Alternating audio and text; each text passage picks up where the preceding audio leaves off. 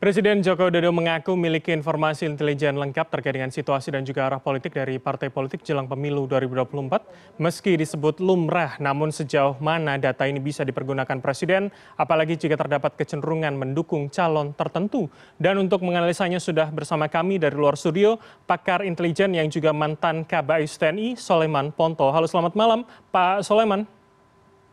Ya, selamat malam.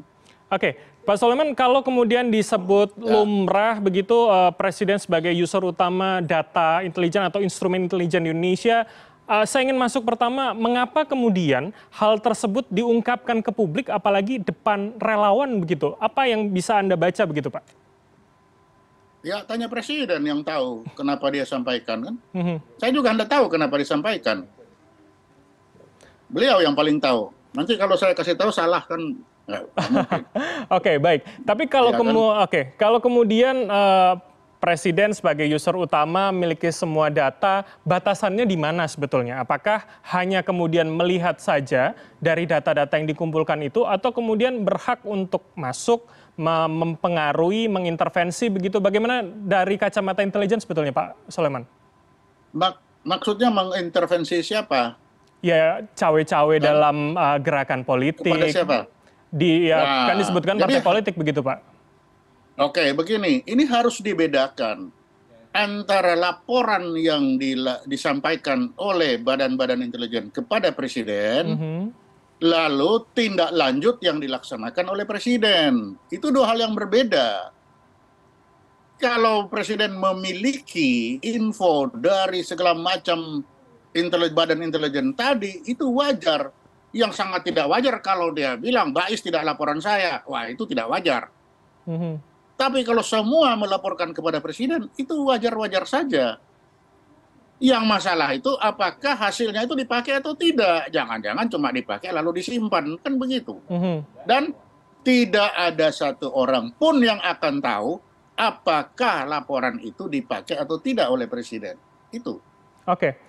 Pak, tapi kalau kemudian dalam uh, perspektif intelijen begitu, apakah data itu kemudian sah untuk dipergunakan presiden sebagai user utama tentunya uh, untuk kemudian uh, melakukan hal untuk misalkan kepentingan kecondongan presiden terhadap pilihan tertentu misalkan dalam pilpres atau kemudian dalam arah ke mana partai politik itu harus berkoalisi atau arah ke mana mereka akan menuju pada pemilihan berikutnya begitu Pak Soleman? Nah, ini juga perlu saya sampaikan bahwa informasi intelijen yang masuk kepada presiden kan itu hanya salah satu dari sekian banyak. Presiden juga kan memiliki sumber-sumber yang lain. Hmm. Jadi apa yang presiden laksanakan, perbuatan yang dia lakukan belum tentu itu berasal dari laporan intelijen, bisa saja tidak. Jadi laporan dari BIN, BAIS, Popolri itu belum tentu dipakai oleh beliau. Hmm. Bisa saja nggak dipakai itu laporan, iya saya punya data ini, tapi tidak saya gunakan juga bisa. Dan tidak kita tidak bisa maksa, eh presiden kalau harus pakai ini, oh nggak bisa. Itu suka-suka dia. Dan kita tidak pernah tahu perbuatan atau tindakan beliau itu menggunakan dasar mana. Dasar BIN, BAIS, Polri, atau sama sekali tidak pakai yang lain itu bisa-bisa saja. Mm -hmm. Mungkin data dari anaknya bisa. Oke, Pak Soleman, tapi sebetulnya selama ini sejauh mana kemudian uh, pengetahuan presiden ini terkait dengan pergerakan misalkan partai politik atau kemudian instrumen-instrumen politik yang sedang menyiapkan pemilu. Apakah kemudian yang sudah terjadi saja atau kemudian yang yang sedang direncanakan oleh masing-masing elemen tadi? Ya sudah pasti dia tahu semua mau uh, mau masing elemen mau ke mana, mau tujuan ke mana, mau seperti apa ya pasti dia tahu lah. Beliau ada itu dari banyak sumber. Memangnya dari parpol-parpol itu ada yang tidak laporan kepada beliau? Pasti akan ada.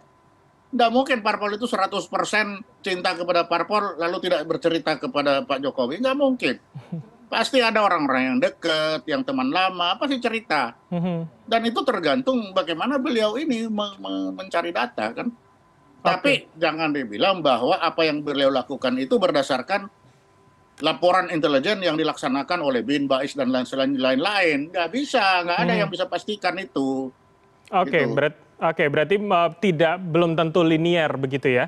Nah, kemudian pertanyaannya, oke, okay, Pak Soleman, pertanyaannya kalau begitu adalah hmm. uh, sebenarnya data yang seperti apa akhirnya? Uh, artinya begini, apakah kalau tadi Anda mengatakan bisa saja misalkan orang partainya yang misalkan bercerita kepada seorang presiden, apakah kemudian ini hanya soal angka saja misalkan atau kemudian juga pola-pola dan strategi itu juga dimiliki dari data tersebut Pak Soleman?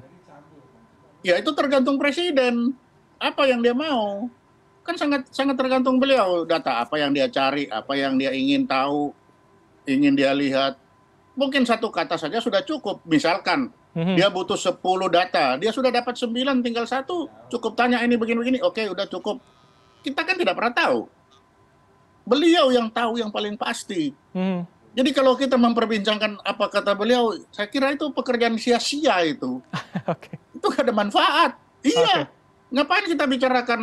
Yang kita lihat apakah dilakukan beliau itu melanggar hukum atau tidak? Kan hmm. itu aja Oke, tapi, tapi sejauh ini artinya tidak begitu ya, sumber... Pak Soleman, ketika memang. Uh, mengumpulkan data dari intelijen yang instrumen negara begitu? Ya nggak ada masalah, dia kan kepala pemerintahan juga, hmm. dia memiliki instrumen sah itu. Oke. Kita laporan kepada presiden itu sah. Tidak bisa kita laporan kepada Menko Polhukam aja nggak boleh kok. Hmm. Tanya presiden sebagai single user itu sah, nggak bisa. Oke. Okay. Itu dan intelijen tidak akan membuat laporan ke mana-mana, hanya kepada presiden dipakai atau tidak dipakai, diminta tidak diminta kita laporan. Oke, okay. dan, dan itu senang dan itu menjadi bilang, pertanyaan dan PR oh, tentunya ya, apakah dipakai atau tidak begitu ya Pak Saleman ya? Ah itu tidak ada urusan, kita tidak berurusan bagi kita sudah sampai itu sudah bagus. Kalau beliau sudah bilang ada laporan dari Bais, ah itu sudah senang, berarti beliau sudah baca. Hmm. Dipakai atau tidak? Eh, nggak tahu, okay. itu urusan beliau. Baik, baik, oke. Okay. Tapi yang Terima... penting sudah sampai, kan hmm. itu. Oke, okay, baik. Terima kasih atas uh, pandangan dan juga insight Anda, Pak Soleman Ponto, pakar intelijen yang juga mantan Kepala Bais TNI, telah bergabung sama kami. Selamat malam, sehat selalu, Pak Soleman. Ya, terima kasih. Selamat malam.